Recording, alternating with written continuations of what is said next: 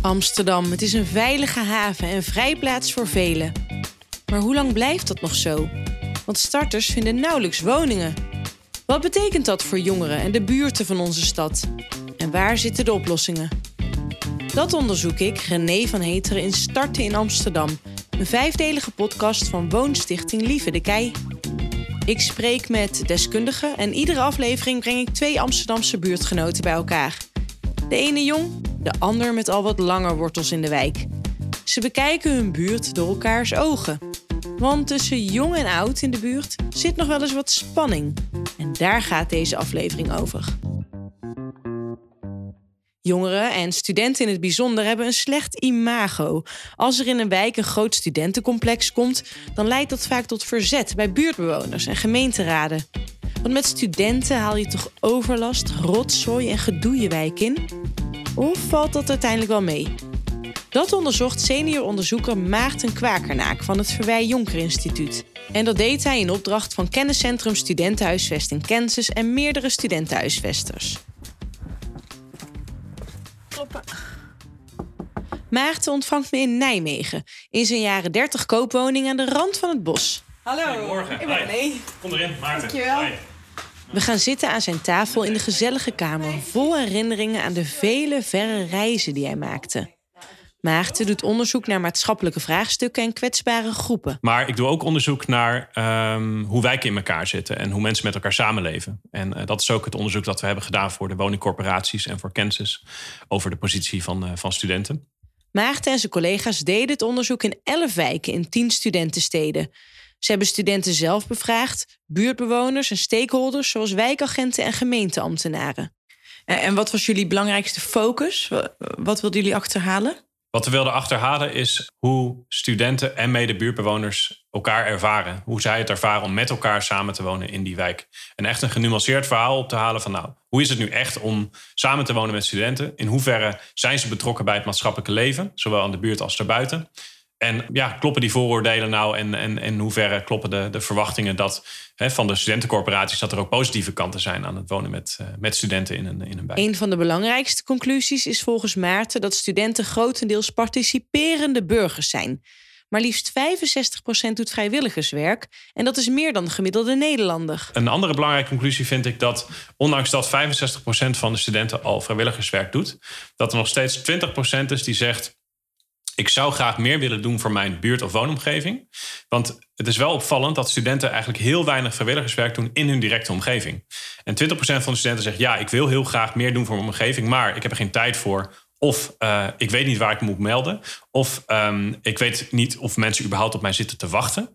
Ehm, en 20% zegt ja, dat wil ik. En 40% zegt ik weet eigenlijk niet of ik, daar, of dat wil. En de rest zegt nee, daar heb ik geen behoefte aan. Dus er is eigenlijk inderdaad best nog een groot potentieel van eh, mensen die zich in willen zetten voor een buurt. Ik vind het heel hoopgevend als één op Ja. de vijf mensen van, van de studenten zegt van ja, ik wil echt wat voor mijn buren gaan doen. Vooral voor Mhm. kwetsbare mensen. En ja, dat, dat vind ik heel hoopgevend. Als je dan de kwalitatieve toelichting gaat lezen van wat zou je dan willen doen. Ja, het is bijna hard, nou, het is hartverwarmend wat je dan leest. Wat dan, wat dan? echt hele concrete voorstellen van ja, ik zou graag gewoon oudere mensen in mijn buurt verder willen helpen. Ik wil in het kader van de coronacrisis graag boodschappen doen voor mensen. Ik wil eh, dat, de, dat de verschillen in de buurt kleiner worden. Ik wil bijdragen aan duurzaamheid in mijn buurt. Echt gewoon hele mooie, concrete voorbeelden van ja, ik zou heel graag dit willen doen, maar Ik weet Ja. niet zo goed hoe.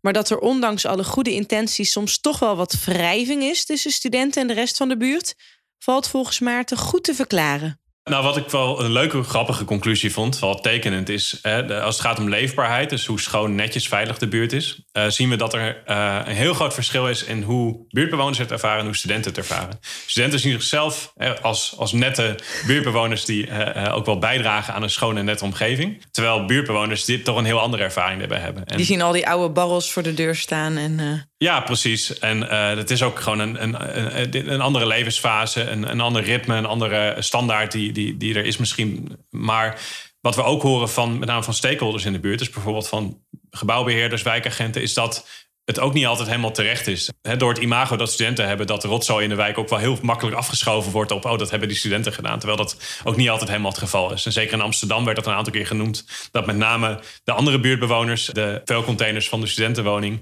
uh, gebruikten als een soort dumpplaats voor een uh, huisraad.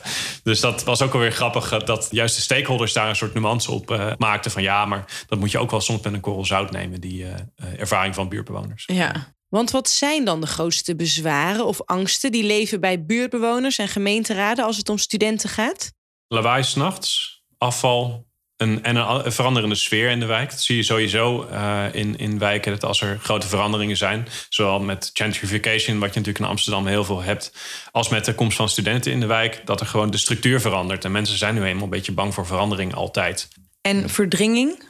Eh, dat ze denken van ja, hallo, het is hier al moeilijk voor onze kinderen bijvoorbeeld om een woning te vinden in deze buurt. En nu wordt er in één keer voor die studenten die van buiten afkomen woningen gebouwd. Is dat ook nog een uh, argument uh, van weerstand? Ja, we hebben, zijn nog niet zo heel hard tegengekomen, omdat we daar ook niet heel gericht naar gevraagd hebben. We zijn vooral mm -hmm. gaan kijken naar hoe is het om met studenten te wonen. Dus ja. we zijn vooral naar de wijken gegaan waar er al wel veel studenten wonen. Maar het is natuurlijk wel iets wat meespeelt, zeker in een stad als Amsterdam, Amsterdam waar gewoon de lokale bevolking steeds verder de stad uit wordt gedreven. ja, is dat natuurlijk wel iets wat meespeelt bij, uh, bij de mentaliteit en de, de sfeer in wijken.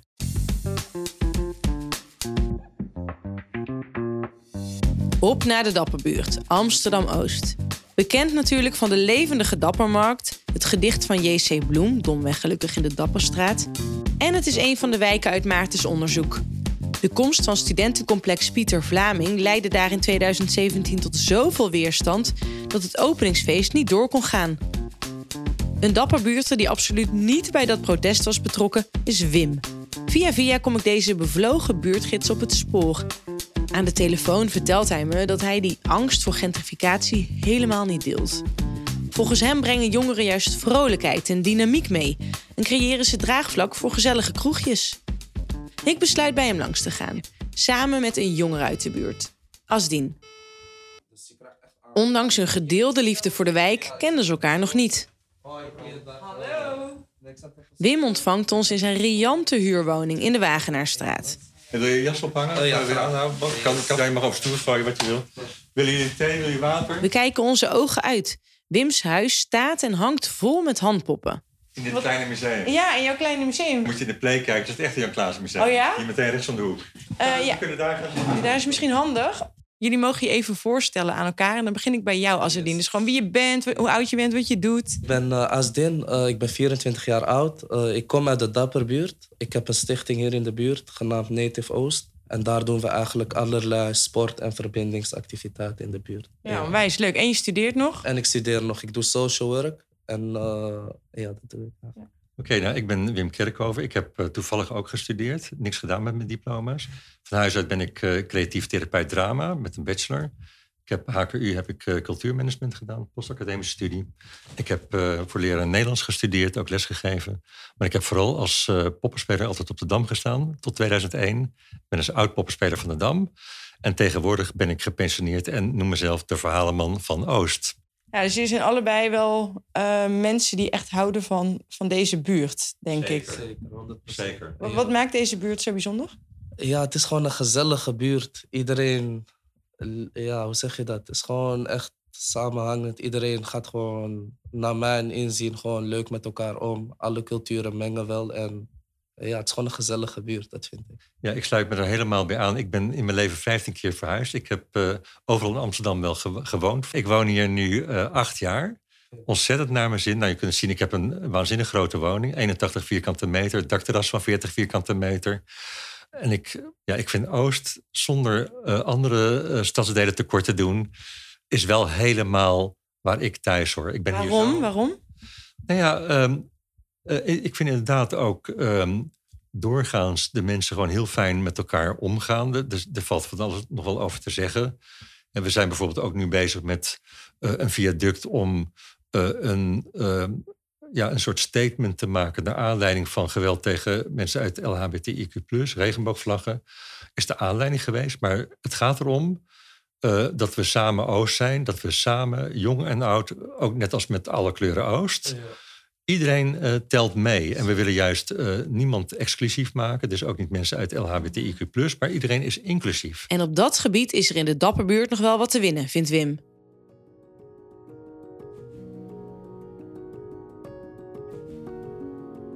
De Dapperbuurt heeft een rijke historie die je nu nog terugziet in het straatbeeld. Eind 19e eeuw barst Amsterdam uit zijn voegen en moet er worden uitgebreid. Een van de plekken waar dat gebeurt is dus hier, de Dapperbuurt. In 1873 worden de tegels van de eerste straat gelegd, die van Wim, de Wagenaarstraat. De Dapperbuurt werd een echte arbeiderswijk. Toen de slecht gebouwde woningen na de Tweede Wereldoorlog massaal gesloopt dreigden te worden, wist een actiegroep dit deels te voorkomen. Nu ziet de Dapperbuurt eruit als een wat rommelige, maar gezellige lappendeken. De gerenoveerde monumentale panden van eind 19e eeuw worden afgewisseld met typische jaren 80 bouw en nieuwbouw van nog geen tien jaar geleden, zoals het complex van Wim. De mooie straten en vele winkeltjes, restaurantjes en barren maken de wijk populair bij kapitaalkrachtige starters. Maar door de bank genomen is de Dapperbuurt nog steeds een volkswijk. Multicultureel, met bewoners die een niet al te sterke sociaal-economische positie hebben, om het even ambtelijk te zeggen. Iets waar Asdien nog niet eerder bij stil had gestaan.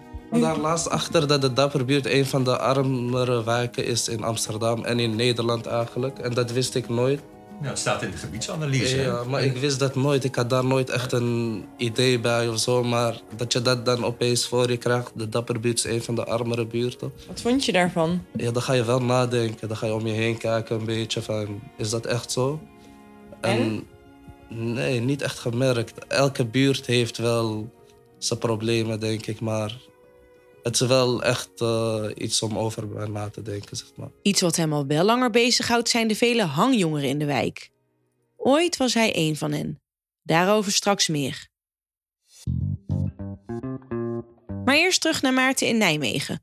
Want ondanks het verzet kwam het studentencomplex er in de Dapperbuurt dus wel. Net als de studentenflats in de andere wijken uit het onderzoek. Wat gebeurt er dan in zo'n buurt als er ineens zoveel jongeren komen wonen? Spoiler alert, vrij weinig. Ja, kijk, ik kan het eh, illustreren aan de hand van een, een pand in Enschede... dat daar uh, redelijk kort geleden is ontwikkeld... waar buurtbewoners zeiden van ja, het zijn eigenlijk saaie buren... want het zijn allemaal zelfstandige woonunits. We zien ze bijna niet en zijn, ze zijn niet betrokken... maar we hebben er zeker geen last van. En dat is niet wat je verwacht bij de komst van een grote hoeveelheid studenten naar een wijk. Nee. We hebben in Groningen een, een, een, een pand ook bekeken... waar een, een groot complex waar de buurt gewoon ook helemaal geen verbinding mee heeft en waar het leven zich vooral binnen die woontoren afspeelt. Aan de andere kant hoor je in diezelfde buurt hoor je ook, ja, maar de zelfstandige panden, daar heb je eigenlijk veel meer last van. Mhm. de, de particuliere vuur. Dus dan Ja. van zo'n groot complex, Ja. dat vaak toch redelijke afstand heeft tot de rest van de, eh, van de buurt. Dat ook eh, vaak goede eigen voorzieningen heeft voor afval en, eh, en ook wel wat, wat rekening houdt met geluidsoverlast. Ja, dat vooral de overlast zit, hem zit in die, in die particuliere panden. Dus in gewone ouderwetse studentenhuizen, zeg maar. Ja, dat is wat wij in ieder geval, eh, zeker in Groningen, terug hoorden. Van ja, het zit meer in die, die overlast zit meer in die panden dan echt in dat grote complex. Maar aan de andere kant zie je ook dat het contact met die mensen in dat complex bijna nul is. Ja. Eh, dus het, het, het, de samenhang tussen goed contact met elkaar en overlast is best wel sterk. Hè? Van het is levendigheid, reuring. Mensen vinden het vaak prettig dat er een beetje jonge mensen en een beetje levendigheid is in de wijk. Maar dat slaat soms door naar overlast. En dat is ook een andere conclusie van ons onderzoek. Van ja, dat gaat nu eenmaal gewoon een beetje samen. Dus de grotere studentencomplexen met al hun voorzieningen leveren minder overlast op. Maar zorgen er ook voor dat studenten op hun eigen eilandje blijven zitten en minder contact leggen met de buurt. En datzelfde geluid hoorde Maarten over de Dapperbuurt. Daar zeiden mensen echt van ja, wij waren er echt tegen dat die studenten kwamen wonen. Maar eh, ja, het is, het is ons alleszins meegevallen. Want het, zijn gewoon, het is een goed geregeld, er zijn goede voorzieningen. Het is niet uh, medebuurtbewoner, student, medebuurtbewoners en naast elkaar afgewisseld. Het is gewoon een, een, zelfstandig pand. Ja, het, doet ook wel goede dingen met de buurt. Het is, uh, waar ze vooral last van hebben zijn jongere mensen die op scooters rondhangen daar. cliché, maar daar, dat is toch waar het meeste overlast vandaan komt van de studentenpand zeggen ze eigenlijk... ja, dat, dat, dat, in tegendeel, dat is een, eigenlijk een, heeft een positieve bijdrage aan die wijk uh, geleverd. Wat voor goeds dan? Ja, het, het, is toch wat verjonging in de buurt. Wat diversiteit. Je ziet in één keer gewoon andere mensen in de wijk... maar wel mensen die ja, gewoon zich prettig tot elkaar verhouden... en die niet voor, uh, uh, voor de verwachte overlast zorgen. Waar dat bij andere jonge, jonge mensen in de wijk... gewoon vaak wel blijkbaar zo is daar. verraste dat jou, dat die overlast dus eigenlijk veel meer bleek te komen uit, uh, uit een hele andere groep jongeren? Ja en nee. Ik had van dit onderzoek verwacht dat er meer overlast van, van studenten ervaren zou worden. Aan de andere kant verrast het me ook niet zo. Als je het hebt over de groep hangjongeren, dat zijn vaak jongeren van een beetje later tienerleeftijd, begin twintig leeftijd, vaak nog thuis wonen. En als je even bedenkt van levensfases, eigenlijk heb je altijd een eigen plek. Als kind heb je je eigen plek thuis. Als student heb je je studentenkamer. Als, ik als eh, werkende heb een huis. De groep die eigenlijk niet echt een, een eigen plek heeft, zijn de jongeren. Die we, die we dan jongeren noemen. Van dus welke leeftijd? 14 tot 21. De tijd dat je nog thuis woont, uh, maar dat je thuis eigenlijk niet meer je vrienden wil of kan ontvangen. En uh, dat je eigenlijk ook je beetje je eigen leven en je eigen identiteit probeert te ontwikkelen. En mijn oud-collega Joost Meesters heeft een proefschrift geschreven daarover. Dat heet de Wild. Tenminste, de proefschrift heeft niet zo, maar het concept heet de Wild Spaces. En dat betekent dat jongeren op een gegeven moment ook dan toe zijn om zich ruimte toe te eigenen. En die geven we ze niet. Want ja, er zijn wel jongerencentra, maar die zijn niet overal en die zijn ook niet altijd even toegankelijk. Dus jongeren gaan plekken in de buitenruimte uh, zichzelf toe-eigenen. En dat kan, terecht of onterecht, kan dat soms voor een beetje angstigheid op zorgen, uh, zorgen voor, de, voor de buurt. Of kan het gewoon voor overlast zorgen omdat ze rotzooi achterlaten. Ja, gebeurt ook. Maar het is heel verklaarbaar eigenlijk dat jongeren op een gegeven moment in hun leven zichzelf ruimte willen toe-eigenen, omdat ze die ruimte niet krijgen.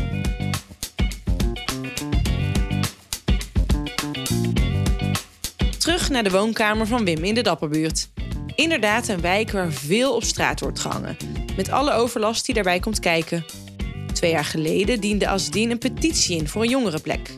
Dat ik zag dat dat er echt totaal niet was. Ja. Je hebt wel plekken voor jongeren tot en met ongeveer 14 jaar. Buurthuis van Dynamo en zo. Maar de leeftijd erboven is eigenlijk helemaal niks te doen hier in de buurt. Nee. En nu Dan, is het er, of niet? Uh, nee, nog niet. Nee, we zijn nog steeds bezig met het proces. Het ja. duurt echt heel lang, gemeente en al dat soort dingen. Maar ik hoop dat het voor, uh, voor het nieuwe jaar er is. Astien woont op zijn 24ste nog thuis. En hij kent wel meer leeftijdsgenoten die thuis wonen. Hoewel hij er lekker zit, geldt dat niet voor iedereen. Hij zou ook best wel een plekje voor zichzelf willen, maar... Ik denk er zo over na. Zolang ik nog bij mijn ouders kan wonen, dan blijf ik ook daar. Ja. Want uh, de huurprijzen zijn ook niet normaal hoog. Ik, uh, ik heb vrienden die voor een kamertje van een paar vierkante meter letterlijk bijna 1000 euro betalen. Dus dat is echt heftig, niet normaal. Ja. Heb je ook vrienden die nog uh, thuis wonen terwijl ze eigenlijk uit huis zouden willen hier in de Dapperbuurt? Ja, die, die heb je er ook tussen, ja. Maar die kunnen gewoon simpelweg geen woning vinden. Nee. Nee en en hoe, hoe is dat dan voor hen? Het is moeilijk, want ja, meestal bij Marokkaanse gezinnen dan ben je ook met echt veel kinderen thuis. Bijvoorbeeld, wij zijn met z'n achter thuis. En dan op een gegeven moment word je 23, 24 jaar en dan dan wil je gewoon eruit, wil je iets voor jezelf, wil je ook mensen leren kennen, een vriendinnetje misschien nemen, een vriend hoe het bij degene zit. En dan is het gewoon een beetje moeilijk om nog bij je ouders te wonen. Wim kan niet wachten om in te breken in het gesprek. Hij maakt zich verschrikkelijk kwaad. Zijn 27-jarige dochter woont met haar eigen dochtertje en vriend bij hem om de hoek. In een private huurwoning die eigenlijk te duur is. We kijken nog steeds samen op woningnet, maar ze komt nergens. Ze komt gewoon niet aan een andere woning, terwijl ze eigenlijk nu te weinig inkomen hebben voor de woning waarin ze leven. Dus ze liggen echt krom van ja. hoe kunnen wij die huur blijven betalen. In de jaren tachtig zat Wim bij de krakersbeweging. En het maakt hem woest om te zien dat jongeren het nu zo lastig hebben op de woningmarkt. Wonen is een recht. Dat mag geen verdienmodel zijn. Nee, dus als je dit aansnijdt, nou, dan sta ik helemaal. Uh, ja, ja, omdat het je ook persoonlijk raakt, natuurlijk. Voor mijn dochter, voor andere jongeren, voor jou ook, ja. weet je wel. Ik vind het afschuwelijk. En dit is al zo lang bekend, zogenaamd sinds 2008 met die crisis. Ja. Maar, dat we gewoon door moeten bouwen. Ja. Maar is dat. Uh, uh, jij, jij loopt er helemaal warm voor, inderdaad. Ja, precies. Neem een slokje water. Merk jij bij je generatiegenoten ook deze woede? Of is iedereen juist een beetje gelaten van, nou ja, ehm, ik zit het even uit en ik kijk wel uh, of het goed komt? Nee, je merkt wel echt woede bij sommigen. Gewoon dat ze echt gewoon iets voor zichzelf willen. En dat ze het, de situatie gewoon thuis niet meer aankunnen. Gewoon. Door wat ik net al zei, te veel broertjes, te veel zusjes, te veel drukte. Als bijvoorbeeld iemand een opleiding doet en je moet bijvoorbeeld online lessen hebben... en je broertjes en zusjes zitten te schreeuwen de hele dag... dan wil je ook gewoon een kamertje voor jezelf waar je je eigen ding kan doen... En ja, dat is het een beetje. Ja. Dus je merkt echt wel de frustraties. Zorgt het er ook voor dat mensen veel op straat uh, gaan zitten? Dat is wel een van de redenen. Dat, dat, was zelf ook bij mij het geval, zeg maar. Gewoon echt de drukte in huis. En oh ja. Ja. af en toe wil je gewoon even ontsnappen eraan. Dan ga je buiten hangen, ja. ja. En misschien overlast veroorzaken. Jawel, jawel. Hebben we vroeger allemaal wel gedaan. Ja. Heb ik ook gedaan, hoor. Ja. Hey, zullen we even naar buiten gaan? Ja, even de buurt in. Ik ook. Het is een hartstikke mooie Ja. dag. Laten we doen. Let's go. Yes. We pakken de lift naar beneden. Eigenlijk zouden we naar Asdiens woning wandelen, maar die wordt verbouwd. Dus neemt hij ons mee naar een plek die voor hem bijzonder is. Onderweg naar buiten praten we over zijn werk voor jongeren in de buurt. Hey, wat drijft jou zo om hier met die jongeren in de buurt aan de slag te gaan? Want dat is toch ook wel Oh. bijzonder? Ja, omdat ik zelf, ja, waar de jongeren nu tegenaan lopen, heb ik zelf in het verleden wel meegemaakt. Zoals? Eh, zoals eh, aanrakingen met politie, eh, op straat hangen, schoolverlating.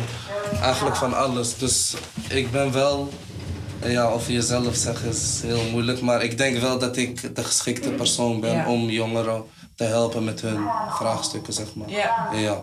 Ja, ja En ik je zag- hebt het zelf ge- geleefd. Ja. Ja. En ik zag gewoon echt dat er vrij weinig te doen was in de buurt. Dus ja, daarom heb ik dit gestart. Zeg maar. En wat voor dingen, waar hebben ze behoefte aan, denk je? Jou, eh, gewoon de Eh, jongeren? ze hebben echt behoefte aan een plek waar ze samen kunnen komen. Uh-huh. Waar ze samen activiteiten kunnen ondernemen. En eigenlijk echt een plek waar ze gewoon, ja, gewoon samen kunnen komen en leuke dingen kunnen doen. Ja. En dat mist er echt. Hey, en wat heeft bij jou eigenlijk een soort van switch veroorzaakt? Want je had dus ook door kunnen gaan op dat pad, Ja. maar jij bent toch omgedraaid op een gegeven moment? Ja, op een gegeven moment was ik het gewoon echt helemaal zet. En keek ik ook naar andere vrienden die het wel goed deden, zeg maar.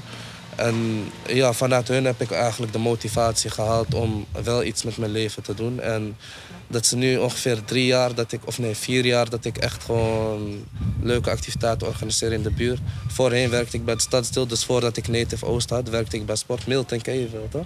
Milton? Nou, misschien van gezicht, maar dat Ja, hij weet is ik van niet de onmiddellijk. sportafdeling van eh, de gemeente.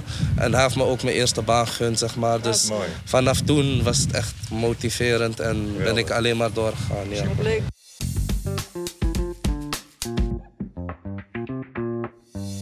Nog één keer terug naar Maarten. Uit zijn onderzoek kwam dus dat overlast van studenten meevalt, mits de woonsituatie goed georganiseerd is. Studenten willen wel wat meer binding met de wijk, maar weten vaak niet goed hoe ze dat moeten regelen. Welke lessen kunnen gemeenten, corporaties en ontwikkelaars hieruit trekken?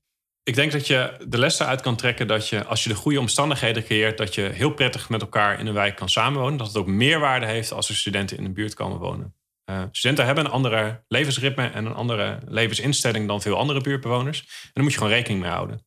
Ehm, door panden goed te faciliteren. Eh, goede isolatie, ehm, goede afvalvoorzieningen. En vervolgens faciliteer dan ook dat mensen elkaar kunnen tegenkomen. Want dat, er is wel behoefte, maar om die stap te maken, om echt wat te organiseren, dat is toch best wel een flinke stap. En we hebben mooie initiatieven gezien waar studenten of mede buurtbewoners dat wel doen, maar die zijn best wel schaars. En ik denk dat het helpt als een woningcorporatie, zo'n studentenhuisvester, af en toe is zo'n zo'n buurtontmoeting faciliteert, bijvoorbeeld eens per jaar. Ehm, en iets anders is, is dat we zien dat er een trend is om steeds meer zelfstandige studentenwoningen te, eh, eh, te ontwikkelen. Ehm, en dat lijkt een mooi idee, want er is behoefte aan bij studenten. En het creëert minder overlast, want hè, er is gewoon, hè, mensen leven meer zoals een appartement. Maar ik vind het ook wel heel zonde.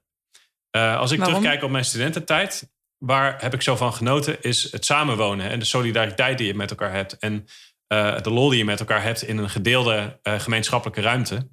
Ehm, maar ook de pot- de potentie die er ontstaat om vanuit die gemeenschappelijkheid die je binnen studentenhuizen hebt, ook om verbindingen met die buurt te leggen. Want eh, als je contact met elkaar hebt, dan is de stap naar, naar buiten toe ook wat, wat kleiner. Ik denk dat het heel zonde is als we dat kwijtraken. Als die traditie van gemeenschappelijke studentenhuizen, als die verdwijnt. En dat er alleen maar zelfstandige woonunits voor terugkomen. Want je mist dan ja, gewoon toch de, de, de, ja, een, een, eh, een fase in je leven, denk ik. Ja, Waar ik al mijn vrienden heb leren kennen. Waar mijn ouders elkaar eh, hebben leren kennen op die studentengang in Amsterdam. En dat, dat was allemaal niet gebeurd als we allemaal in die zelfstandige units hadden. Gewoon. Ik ergens vind ik dat heel jammer. want, want dat Ja. is zo. Jouw ouders hebben elkaar in het Amsterdamse studentenleven in een eh, Ja, studentencomplex Amsterdam-Noord. leren Ja. kennen. Oh, echt? ja, ja. Vertel eens. Ja, een enorme de Zilverberg heette dat. Een gare studentenflat die al lang niet meer bestaat. Eh, maar daar, die wonen bij elkaar op de gang inderdaad. Die hebben elkaar daar leren kennen. Ja. Ja, ja. Ja, dus voor de, voor de romances, eh, maar ook dus voor de binding in, met de buurt. Ook al geeft het misschien een tikkeltje meer overlast soms. ehm, zeg jij van, eh, vergeet niet om ook... eh, of vergeet niet het belang ook van dat samenwonen als studenten. Ja, wij hebben gezien dat er in de panden waar er samen gewoond wordt... dat er meer eh, verbinding is met de buurt. Zowel een positieve als een minder positieve zin dan in de zelfstandige woonunits. In de zelfstandige woonunits zeiden mensen zelfs in de wijk... ja, voor mij mogen ze wel wat minder saai zijn. We horen ze gewoon niet. Zo'n Enschede hoorde dat bijvoorbeeld terug van buurtwoners. Ja, we, horen ze niet, niet, we horen ze niet. We hadden er eigenlijk wel meer van verwacht. En dat, is, dat, ja, dat, dat vind ik toch wel ergens wel, wel jammer... Dat die, dat die verbinding dan ook niet ontstaat. Gaan we nog even terug naar de Dapperbuurt. We verlaten Wim's woning en lopen over de brede stoep die zijn straat zo kenmerkt. We steken over naar de Roomtuintjes, een huizenblok tussen de spoorlijn Zeeburgerdijk en Pontanusstraat. Een hoge muur vormt de scheiding tussen de wijk en het treinspoor. Tegen die muur ligt een pleintje met een voetbalveld, tafeltennistafel, fitnessapparaten en bankjes. Er wordt fanatiek bewogen als wij er staan. En Astien, jij hebt deze plek gekozen om naartoe te wandelen. Waarom is dit een plek die voor jou iets betekent? Uh, hier heb ik echt veel gespeeld in mijn jeugd, zeg maar. Uh, eerst was de kooitje daar waar ik net wees. En, uh, Achter nu ons? onze binnentuin ja, is. wat nu jullie binnentuin was, was vroeger onze kooitje. Ja. En dat was gewoon echt een, ja, hoe zeg je dat, een nostalgische plek, zeg maar. Dat was echt een toffe plek. Ja, wij hebben met onze Wibo-woning eigenlijk jullie uh, Eruit sportplekje... Ja, er, waren, er, waren, er waren toen ook wel buurtprotesten. Ja. Zeker. Shit, Nee, en dat is wel balen. Nee, maar het maakt niet uit. We hebben hier ook een mooie voetbalveld. Dus eh, hier hebben we eigenlijk onze hele jeugd gevoetbald. Ja, dit is wel veel groter dan dat binnengebied Klopt, bij ons, ja, hè, dat toch? is het wel. Ja, en de buurt kan hier gewoon lekker sporten en bewegen en nieuwe vrienden maken. Dus het is echt een toffe plek, hier wel. Zit jij hier ook wel eens, Wim? Ja, ik zit, eh, ik, zit- ik zit er wel eens, ik eh, maak wel eens een praatje met iemand. En ik kijk er natuurlijk vanaf mijn dakterras, want daar woon ik, tegen, schuin tegenover dit veldje. En ik moet je dus ook zeggen, ik heb eh, hier nog nooit rottigheid meegemaakt. Ik zie eigenlijk alleen maar leuke, positieve dingen, als ik eerlijk ben. En eh, het is wel eens zo dat dan wat mensen wat midden in de nacht nog zitten te kletsen. En dat Ja. is natuurlijk best wel luid. Maar ik ben half doof, ik hou sowieso wel van mensen die hard praten. En dit is ook de plek waar Asdien zijn jongere plekken de liefst zou hebben. Maar het is allemaal wat ingewikkelder dan gedacht. Er is laatst eh, een plan hebben we gemaakt en die hebben we ingediend. Eh, maatschappelijk integraal nog wat. Het is allemaal een beetje moeilijk voor mij. Maar we zitten te wachten op het resultaat van die subsidie. En als dat door zou gaan, dan zouden we kunnen starten. Word je niet soms gefrustreerd dat het zo lang duurt? Jawel. Vooral als jongere heb je echt weinig geduld. Ik ben nu al twee jaar bezig met dit. En af en toe heb je wel dat soort momenten van... Laat maar, Ja, ik je ga... bent nog maar één keer jong, straks ben je net zo oud als ik. Ja, zeker. Gaat snel, gaat snel. Nee, dan haal ik toch ergens die motivatie weer vandaan om, om gewoon door te gaan. Ja. Ja. Waar hij minder vertrouwen in heeft, zijn zijn kansen op de woningmarkt. Hij is zo verknocht aan zijn buurt dat hij zich niet kan voorstellen ergens anders te wonen. Volgens Wim, duidelijk nog protestgeneratie, moeten Asdien en zijn generatiegenoten harder actie voeren dan ze nu doen. Als jij eh, als oude rot, zeg maar, eh, als die eh, een advies moet meegeven, of wat zou dat dan zijn? Nou, ik zou het gewoon niet meer pikken. Dat jullie gewoon niet kunnen beginnen met je leven. Ik vind dat een schande. En gewoon dat je nu, dat je gewoon echt van de grond moet komen. Ik krijg er zelf de rillingen van als ik het zeg. Eh, maar dat je echt eigenlijk eh, ja, ook de hele regering naar, naar het Binnenhof moet gaan. Gewoon ook elke vergadering onmogelijk zou moeten maken. Eh, alle belangrijke economische plekken in het land gewoon plat zou moeten leggen. Gewoon door er fysiek te zijn. Hè, je bent er zo en je bent ook zo weer weg. Dan ben je ook ongrijpbaar. Je stem laten horen. Ja, ja, ja. Ja, ja. Heb jij iets van wat je nu vanmiddag allemaal hebt gehoord van eh, Wim, een buurtgenoot die je eerder niet kende? Ja. Iets wat je hiervan meeneemt of wat je aan het denken heeft gezet? Of, Zeker. eh, Dat je gewoon actie moet blijven voeren en niet stil blijven zitten. Eigenlijk als iedereen, als je iedereen optrommelt gewoon en iedereen die met dit probleem zit, dat je echt veel verder kan komen. Jawel, jawel echt een vuist maken, 100%. nou, jullie gaan elkaar nu vast wel een keer Zeker, tegenkomen, nu jullie elkaars 100%. gezichten kennen. Ja. Ik ga je eh, met al die. Ik vind het allemaal mooie initiatieven. En eh, ik hoop echt dat die eh, plek voor jongeren er, Ja. eh, dat die er komt. En eh, als ik iets kan doen, dan doe ik dat heel graag. En ook als jullie de straat op gaan, zelfs straks met mijn nieuwe scootmobiel. Ja. Hè, gewoon al, al moet ik kruipen, dan ga ik eh, ook met die acties jullie steunen. Top, top. Ja. Je luisterde naar Starten in Amsterdam, een podcast van Woonstichting Lieve de Kei. Andere afleveringen luisteren? Dat doe je op dekei.nl, Spotify, Apple Podcast en alle andere plekken waar je podcast luistert. Bedankt! Thank you.